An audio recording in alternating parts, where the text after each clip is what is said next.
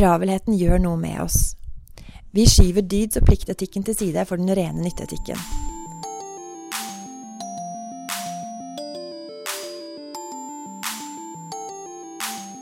Hei, og velkommen til Sykepleiens podkast. Liv Bjørnhaug Johansen er sykepleier ved nevromuskulær sengepost ved Drammen sykehus, og kvinnen bak sykepleiens faste spalte Liv Laga, som du her får høre i podkastversjon. Jeg er på bursdagsfest hos en sykepleierkollega. Vi står en gjeng på kjøkkenet. En sukker og forteller at det har vært helt sykt travelt på jobben i det siste.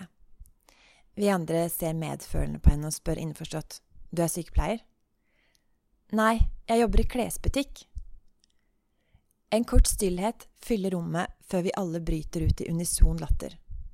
Null respekt. Beklager. Det er ikke det at sykepleiere er de eneste i verden som har det travelt. Jeg har selv jobbet som servitør og gått hele vakter uten å ha tid til å tisse eller spise noe annet enn chilinøtter. Det er bare det at når jeg ikke strakk til som servitør, så var konsekvensen at noen måtte sitte litt lenge ved et skittent bord, ikke få maten sin i tide, eller måtte vente på regninga og få dårlig tid til kinoen. De som må vente på meg nå, har smerter og trenger medisiner. De kommer seg ikke opp av senga for å gå på do på egen hånd, om å gjøre i buksa eller risikere å falle i forsøket. De blir underernært fordi vi systematisk ikke har tid til å gi dem frokost før ti, men må gi kveldsmat tidlig for å rekke over stellet. De har fått dårlige nyheter de trenger å prate om, men jeg har ikke tid til å høre om å gå baklengs ut av rommet med empatisk blikk mens de snakker. Travelheten gjør noe med oss. Vi skyver dyds- og pliktetikken til side for den rene nytteetikken. I konkurransen mellom å lindre smerte hos pasient A og kvalmen hos pasient B velger jeg kvalmen ene og alene fordi dersom hun kaster opp, kommer det til å spise enda mer av vår knappe tid.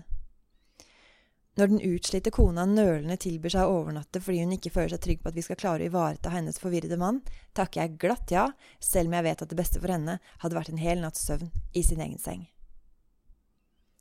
Dette telles dere på, får vi ofte høre om antall pleieplaner oppdatert siste døgn, kurveførte svelgetester, utfylte pasientsikkerhetsskjemaer og screeninger. Antall kryss i disse rutene forteller foretaksledelsen om denne avdelingen har tilfredsstillende kvalitet eller ikke. For at kvalitet skal kunne måles, må den kunne telles. Problemet med etikken er at den ikke kan formuleres i kvantifiserbare mål eller settes inn i en sjekkliste. Dermed blir den ikke noe område for prioritet. Det tar tid å behandle folk ordentlig. Når tiden blir vår knappeste ressurs, er det dette vi kniper inn på. Beklager, Kant, vi har ikke tid til dine maksimer og kategoriske imperativer. Det er den pragmatiske nytteetikken som overtar når bemanningen ikke står i forhold til pasientbelegget.